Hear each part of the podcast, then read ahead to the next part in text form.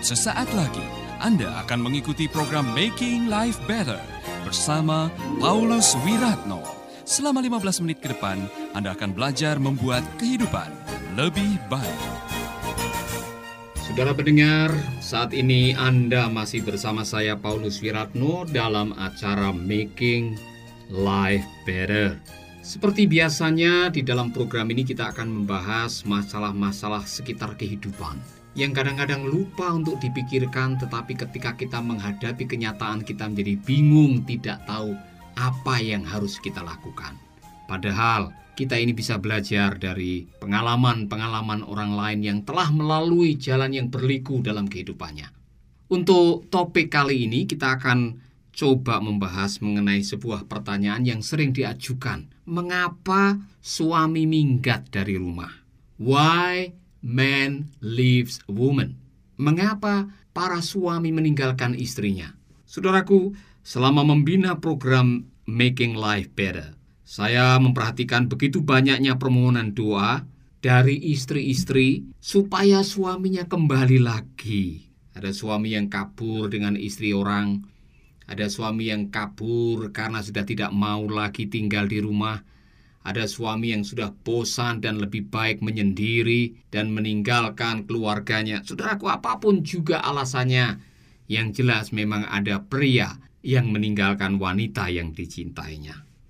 Pernah satu kali saya berada di Kupang dan sedang siaran dengan Radio Lisbeth FM. Di akhir acara ini ada seorang anak kira-kira umur 9 atau 10 tahun yang menelpon dan suara telepon itu yang menyentuh hati saya. Pak Paulus, tolong doakan beta pung papa, katanya. Papa setinggalkan rumah. Katanya papanya sudah pergi dari rumah tiga tahun, tidak pulang-pulang. Beta rindu, ma papa, katanya. Nah, saudaraku, anak umur 9 tahun yang sedang rindu-rindunya untuk ditunggui oleh ayahnya malah ditinggal minggat oleh orang tuanya. Ini sungguh sebuah tragedi yang tidak boleh terulang lagi. Tetapi kenyataannya banyak pria yang meninggalkan keluarganya. Nah, inilah pertanyaan yang harus kita jawab. Saudaraku tidak ada laki-laki atau suami yang minggat dari rumah karena hobinya minggat. Tidak ada. Masa ada suami yang ditanya, Eh, hobimu apa? Hobi saya minggat, Pak. Tidak ada suami yang hobinya minggat. Pria meninggalkan wanita yang disayanginya karena ada konflik batin yang tidak pernah diselesaikan dengan baik. 40 tahun yang lalu bapak saya minggat ke Sumatera karena sakit hati. Meskipun ia tidak pernah curhat dengan aku. Nah aku tahu ada konflik peran yang terjadi pada saat itu. Maklum, waktu itu aku masih berumur 6 tahun. Masih terlalu kecil untuk mengerti persoalan rumah tangga orang tua. Jauh di lubuk hatiku waktu itu aku tahu ada persoalan. Memang bapak ibu saya tidak pernah bertengkar. Saya tidak pernah mendengar mereka padu, kata orang Jawa. Tetapi ada konflik. Konflik yang salah satunya disebabkan oleh bapak saya yang tidak punya kerjaan tetap. Suka main judi dan akhirnya ibu saya yang harus kerja keras dan berganti peran. Konflik peran itulah yang membuat akhirnya rumah tangganya bubrah, hancur berantakan. Bapak minggat ke Sumatera, ibu menikah lagi dengan orang di lain desa. Nah, saya masih kecil, tidak tahu apa-apa dan mereka tidak pernah minta diskusi kok dengan saya. Seandainya orang-orang yang mau bercerai itu minta pendapat anak-anaknya, pasti mengatakan saya tidak mau bapak bercerai, saya tidak mau ibu bercerai yang rugi, yang paling menderita, yang paling banyak mengalami sengsara itu anaknya. Nah, oleh karena itu, saya mendorong Anda sekalian janganlah meninggalkan. Jangan minggat. Jangan sampai rumah tangga kita hancur berantakan. Berikut ini ada tiga hal yang sering membuat pria meninggalkan rumah. Pertama, pria atau suami meninggalkan istri karena jarang mendapatkan perhatian. Salah satu kebutuhan pokok setiap orang adalah perhatian. Baik istri maupun suami sama-sama membutuhkan perhatian. Memang ada benarnya pepatah yang mengatakan men don't really grow up following the attention they receive from their mothers. seorang pria itu tidak pernah bertumbuh dewasa dalam hal pemahamannya tentang kebutuhan batin, yaitu kebutuhan perhatian. Meskipun ia sudah tua, tetap saja memerlukan perhatian seperti yang diberikan mamanya waktu masih bayi. Ketika menikah, dia sudah tua, sudah dewasa, kelihatannya ubannya sudah banyak, tetapi tetap saja dia masih ingin dimanjakan, masih ingin diperhatikan seperti seorang anak bayi. Repotnya, terkadang istri tidak memahaminya. Yang repot lagi ialah kalau istrinya juga defisit perhatian. Ketika masa kecilnya kurang diperhatikan oleh orang tuanya, menikah dengan orang yang defisit perhatian, repotlah di sini. Saudaraku, temanku yang namanya Hendra, ini nama samaran, pernah mengatakan bahwa alasannya ia selingkuh karena sering dicuekin oleh istrinya. Tidak ada perhatian sama sekali mengenai kesukaannya, mengenai hobinya, mengenai kebiasaannya. Hal kecil seperti contohnya masalah hobi sang suami. Hendra ini orangnya suka musik jazz. Nah, ia mengharapkan istrinya bisa nyambung ketika diajak ngomong mengenai masalah musik. Nah, kalau sudah bicara mengenai masalah musik jazz, istrinya cuek, nggak mau nanggapi, diem. Suaminya merasa, wah istriku ini kayak patung kalau diajak ngomong mengenai musik. Sayangnya, Yayu tidak mau berubah, walaupun sudah ditegur, sudah dikasih tahu. Nah, satu kali si Hendra ini ketemu wanita lain yang kok sama-sama hobinya musik jazz. Ini orang Jawa bilang bagikan tumbuh oleh tutup, klop, cocok. Maka sering-seringlah mereka bicara, sering-seringlah mereka ketemu. Kebetulan Wanita yang ditemuinya ini sering memberikan perhatian masalah kecil seperti minum, masalah-masalah yang barangkali tidak pernah didapatkan dari istrinya sendiri. Eh, yang namanya pria ketemu wanita yang memberikan perhatian berlebihan seperti itu, hatinya luluh lantak. Tidak lama setelah itu, si Hendra berselingkuh dengan wanita yang hanya memberikan perhatian ketika diajak ngomong mengenai masalah musik. Anda masih mendengarkan Making Life Better. Saudaraku, ketika kita tidak memberikan perhatian kepada seorang suami, ketika seorang istri lupa memberikan perhatian kepada seorang suami, maka suami akan mencari perhatian di tempat yang lain. Waspadalah, waspadalah Ketika Anda tidak punya niat untuk memberikan perhatian, suami Anda akan mencari perhatian di tempat yang lain. Yang kedua, istri tidak pernah memberikan pujian. Ini alasan yang klasik, tapi ini memang sudah menjadi sebuah alasan yang nyata. Yang namanya pria atau wanita adalah makhluk yang memerlukan pujian. Seorang pernah mengatakan bahwa pujian adalah bagian terbesar dari hidup seorang pria. Selain dipuji oleh kawan-kawannya, ia juga rindu mendapatkan pujian dari wanita dan anak-anak yang disayanginya. Jangan heran jika suami sering mengikuti kompetisi, balap kuda atau lomba dayung atau lomba-lomba yang lain yang bisa memberikan a sense of accomplishment, pencapaian. Karena dengan pencapaian ia bisa mendapatkan pujian dan dengan mendapatkan pujian ia mendapatkan identitas diri. Kalau seorang istri sering mencela dan meremehkan seorang suami, maka itu akan menjadi bumerang bisa saja absennya pujian dalam kehidupan seorang pria akan membuatnya terpaksa meninggalkan pernikahannya dan pergi mencari pujian dengan cara apa saja. Masih ingat perkataan Nabi Sulaiman yang pernah menulis kalimat yang seperti ini? Lebih baik tinggal pada sudut sotoh rumah daripada diam serumah dengan perempuan yang suka bertengkar. Nah, apa yang terjadi waktu bertengkar? Tidak ada kata pujian. Setahu saya, Ketika kita sedang bertengkar yang terucap adalah kata-kata yang mencela, kata-kata yang menghakimi, kata-kata yang menghujam, kata-kata yang membuat kita tidak pernah bisa akur dan damai. Karena orang bertengkar biasanya saling menyakitkan. Tidak heran kalau suami lebih baik kabur dari rumah tinggal di pojok sawah sana daripada tinggal dengan perempuan yang suka bertengkar katanya. Hal yang ketiga yang sangat penting sekali untuk kita simak, mengapa pria meninggalkan wanita? Mengapa suami meninggalkan istri? Menurut survei di Amerika, seorang suami lebih memilih tinggal dengan istri yang kurang mencintai, tetapi sangat menghormati daripada sebaliknya.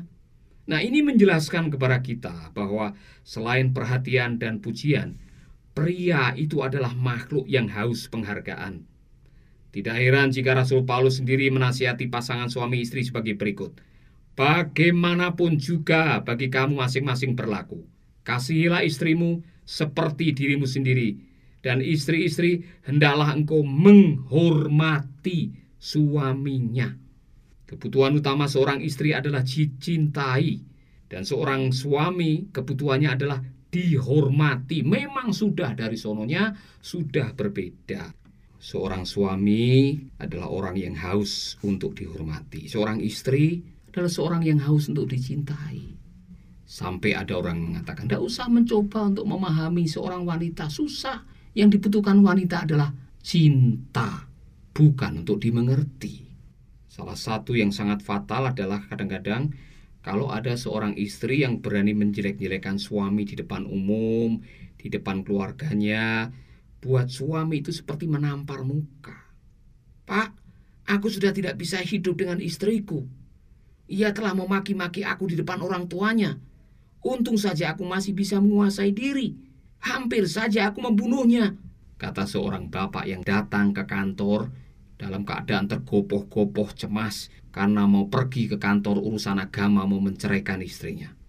Saudaraku, ia rasa tersinggung ketika ia dilecehkan di hadapan keluarganya hilangnya rasa hormat, hilangnya penghargaan bisa membuat suami minggat dari rumah dan kalau sudah minggat yang menderita kita semua. Oleh karena itu, para istri yang bijaksana, para ibu yang baik, saya menyampaikan ini supaya kita semua bisa belajar. Tidak ada yang sempurna. Kita semua makhluk yang punya kekurangan, punya kelemahan. Yang penting masih mau belajar dan mau memperbaiki diri. Selama ada niat untuk mau memperbaiki diri, mau meminta maaf, dan mau dikoreksi, maka tidak ada yang mustahil untuk bisa dipulihkan.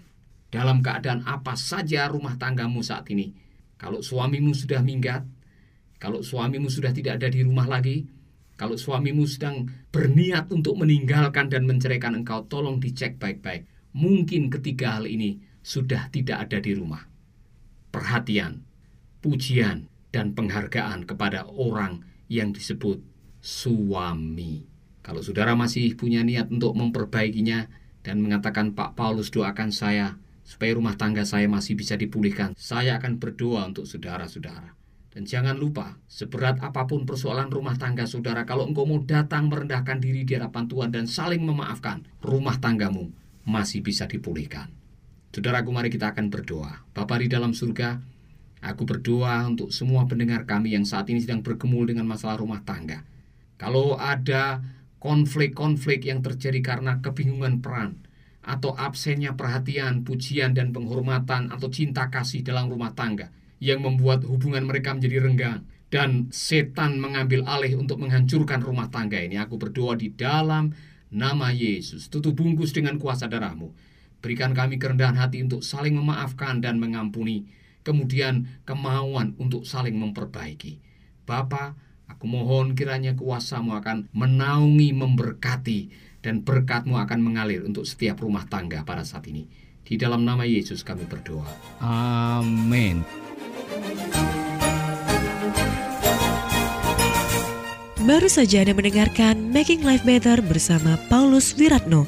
Jika Anda diberkati, kirimkan kesaksian Anda ke Radio Dian Mandiri Jalan Intan LC2 Gang 4 Nomor 1 Denpasar, Bali. Kunjungi website kami di www.pauluswiratno.org, Facebook Paulus Wiratno. Hubungi kami di 081 338 665500. Sekali lagi 081 338 665500. Terima kasih, Tuhan memberkati. Sahabat, Anda baru saja mengikuti program Making Life Better bersama Paulus Wiratno. Terima kasih atas kebersamaan Anda. Tuhan memberkati.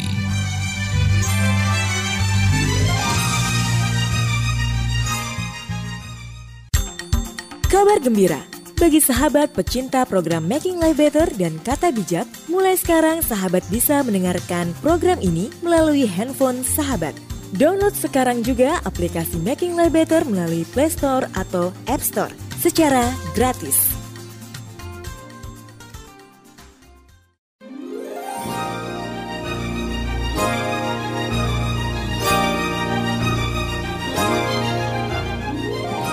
Sahabat, sesaat lagi Anda akan mengikuti program Making Life Better bersama Paulus Wiratno. Selama 15 menit ke depan, Anda akan belajar membuat kehidupan lebih baik. Hello, uh, we're back today to start talking about marriages. And I thought a good place to start would be with my marriage.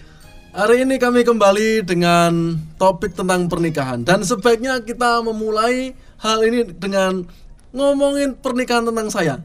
I got married in 1983, Saya menikah tahun 1993. and about a year later, I remember standing outside my home. Saya ingat setahun setelah saya menikah, saya berdiri di luar rumah saya. It was cold and it was raining, Waktu itu hujan dan dingin. and I didn't want to go inside my own home. Dan saya tidak ingin masuk ke dalam rumah saya sendiri. My marriage with my wife was very difficult, Pernikahan saya dengan istri saya sangat sulit. So I just stood out in the rain. Jadi saya berdiri di luar kehujanan. I didn't know what to do. Saya tidak tahu apa yang harus dilakukan. I thought it had to be better than this. Saya berpikir seharusnya bisa lebih baik dari ini. I, I must have made some mistakes, but I didn't know what. Saya berpikir saya pasti melakukan kesalahan, tapi saya tidak tahu apa.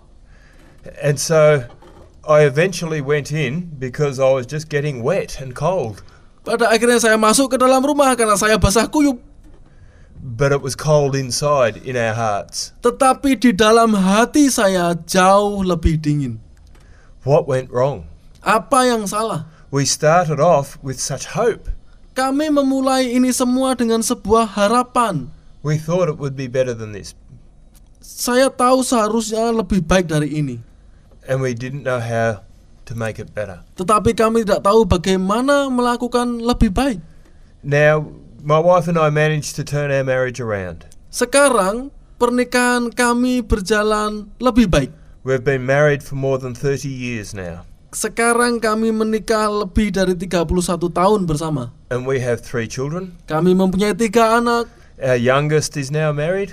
Anak bungsu saya menikah. Our oldest is getting married. Anak sulung saya akan menikah. And the middle child is not yet married. Anak kami yang di tengah-tengah belum menikah. But we're a happy family. Tetapi kami adalah keluarga yang bahagia. And after every marriage, two people start out in life. Di dalam pernikahan ada dua orang yang bersepakat untuk hidup bersama. Both bring different hopes and dreams to the relationship. Keduanya membawa harapan, impian yang berbeda dalam hubungan. And for this marriage to endure over time, both must change. Dalam pernikahan, kedua belah pihak harus mau berubah. But what changes do we make? Tetapi perubahan apa yang harus dilakukan? And how do we change? Bagaimana kita berubah? These are very important questions. Itu adalah pertanyaan-pertanyaan yang sangat penting. For people who are having a struggle at the moment, they need to remember some things. Untuk mereka yang sedang bergumul saat ini, Anda harus mengingat sesuatu. It's probably difficult for your wife or your spouse as well. Mungkin sama sulitnya untuk pasangan Anda. You're not the only one who will be feeling the strain. Anda bukanlah satu-satunya orang yang dalam masalah. People come from different families, and different families do different things. Orang-orang berasal dari keluarga-keluarga yang berbeda. I know a man who got married, and five days later, he went to the supermarket. Saya mengenal seorang pria yang baru menikah lima hari kemudian ia pergi untuk berbelanja. He stayed there for three hours. Ia berada di toko itu selama tiga jam. He just had to get away from his wife. Ingin ia lakukan hanyalah ingin pergi saja dari istrinya, menjauh dari istrinya. He didn't realize that she didn't go home again. Ia tidak menyadari bahwa ia tidak ingin pulang lagi. Her home was now with him. Rumahnya bersama dengan dia. And she couldn't understand why he wouldn't talk to her. Istrinya tidak menyadari kenapa suaminya tidak mau berbicara dengannya. After five days, he'd run out of things to say. Setelah lima hari, ia mau pulang kembali.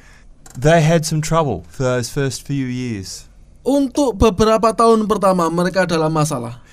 And there are some things we can all learn that will make our marriages last. Ada hal yang kita bisa pelajari untuk mempertahankan pernikahan kita. So, what are those main principles by which marriages last? Apakah prinsip-prinsip utama supaya pernikahan terjalin selamanya? It's marriage is a, a bit like cooking. Pernikahan itu seperti memasak. You bring all these different ingredients together Ia membawa unsur-unsur yang beragam bersama-sama, and you cook them lalu Anda memasaknya and you make one meal. menjadi sebuah makanan. So, what's the first ingredient? Apakah bahan dasar pertama? Communication. Komunikasi. We must be able to communicate with our partner. Kita harus bisa menjalin komunikasi dengan pasangan kita. If we can't communicate, our relationship cannot last. Kalau kita tidak bisa berkomunikasi, pernikahan kita tidak akan langgeng. And part of communicating is telling the truth. Bagian dari komunikasi adalah berkata jujur. And we're going to have more talk directly about communication later on. Nanti kita akan berbicara lebih banyak tentang komunikasi. Another ingredient is love. Unsur yang lain adalah kasih. Often we think when we think of love we have we think of romance and those powerful emotions. Ketika kita berbicara tentang kasih, kita ingat tentang oh tentang sebuah cinta yang kuat, romantis. And emotions can be very overpowering. Emosi, perasaan kadang-kadang malah menimbulkan masalah. But love is more than that. Kasih lebih dari itu. We don't often think about love as being commitment Kita memikirkan pernikahan juga sebagai komitmen or a decision. atau keputusan. Anda masih bersama Paulus Wiratno di Making Life Better. In many countries, marriages are arranged by the parents and the man and woman don't even meet. Banyak negara di mana ada wanita dan pria menikah tetapi mereka tidak saling berjumpa. So two strangers get married. Mereka adalah orang-orang asing yang menikah. And, but many of these marriages last and do very well Tapi ada juga orang-orang asing menikah, pernikahannya berlangsung langgeng. because they make a decision to love the other person from the start. Karena mereka membuat keputusan untuk dari pertama mengasihi orang yang ia nikahi. And this is very common in India. Di India hal ini sangat umum. The feelings and the emotions for the other person come later. Perasaan dan emosi orang yang menikah datang kemudian. Some people think that all you need is love. Kadang-kadang ada orang yang beranggapan bahwa yang kita perlukan hanyalah cinta saja. But I think you need more than just love. Saya berpikir diperlukan lebih dari cinta. You need to be a friend. Anda perlu menjadi teman. If you don't have friendship, your relationship won't endure. Kalau Anda tidak mempunyai teman, hubungan Anda tidak akan berhasil. Without friendship, the relationships become uh, strained and become distant from each other. Tanpa menjadi teman karib, sebuah hubungan akan menjadi hubungan yang jauh. A marriage must have fidelity.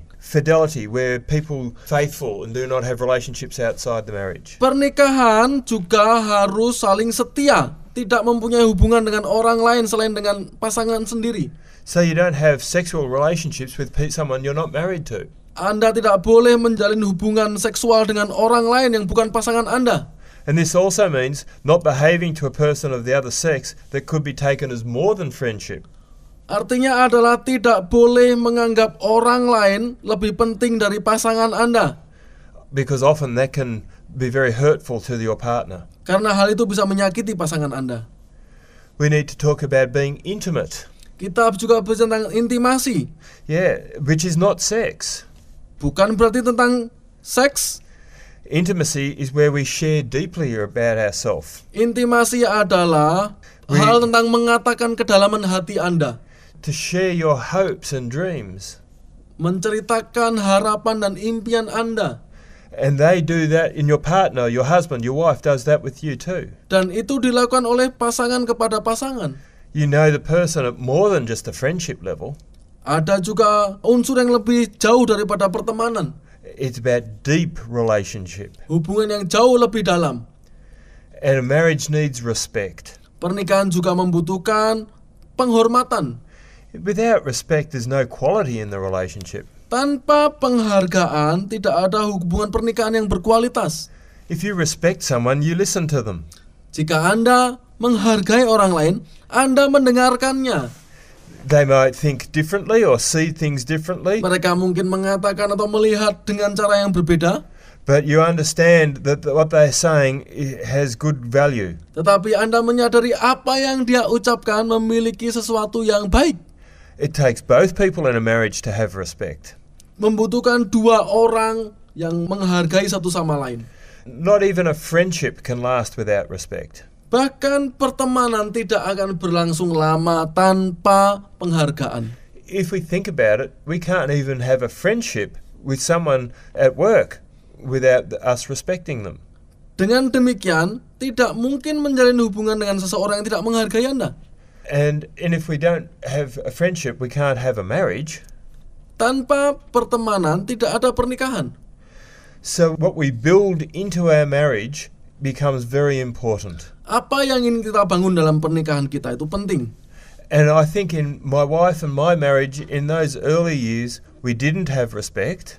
Dalam pernikahan saya yang mula-mula kami tidak saling menghargai. We had most of the other things, Kami memikirkan kesenangan kami sendiri, but respect was not there. tetapi penghargaan tidak ada di sana. And because we didn't have that, we didn't have a friendship. Karena tidak ada penghargaan, tidak ada persahabatan. And without that, we couldn't be intimate in sharing with each other. Karena tidak ada persahabatan, maka tidak ada intimasi, tidak ada saling memberi. And our marriage started to fall apart. Sehingga pada waktu itu pernikahan kami seakan-akan runtuh. But when we started to treat each other and talk to each other with respect, Tetapi ketika kami mulai menghargai pasangan kami, things started to get better. hal-hal menjadi jauh lebih baik. We started to listen to each other Kami mulai mendengarkan satu sama lain because we thought this person has something to say which is valuable. karena kami tahu pasangan saya punya sesuatu yang lebih bernilai. No, at no point were either of us unfaithful. Tidak ada hubungannya dengan tidak setia. We were not having relationships with other people. Kami tidak selingkuh, We just could not make it work. hanya saja kami tidak tahu apa yang harus dilakukan. We loved one another, Kami saling mengasihi, and but if we don't have all of these things, tetapi kalau kami tidak memiliki semua itu, our relationship will not work. hubungan kami tidak akan berhasil. We'll talk more tomorrow. Kita akan membicarakannya lebih lanjut nanti. Thank you. Terima kasih. Baru saja Anda mendengarkan Making Life Better bersama Paulus Wiratno. Jika Anda diberkati, kirimkan kesaksian Anda ke Radio Dian Mandiri Jalan Intan LC2 Gang 4 Nomor 1 Denpasar, Bali. Kunjungi website kami di www.pauluswiratno.org, Facebook Paulus Wiratno. Hubungi kami di 081 338 665500. Sekali lagi 081 338 665500. Terima kasih, Tuhan memberkati. Sahabat, Anda baru saja mengikuti program Making Life Better bersama Paulus Wiratno. Terima kasih atas kebersamaan Anda. Tuhan memberkati.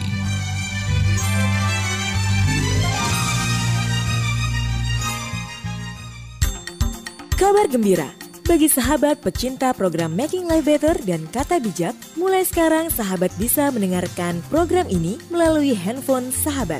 Download sekarang juga aplikasi Making Life Better melalui Play Store atau App Store secara gratis.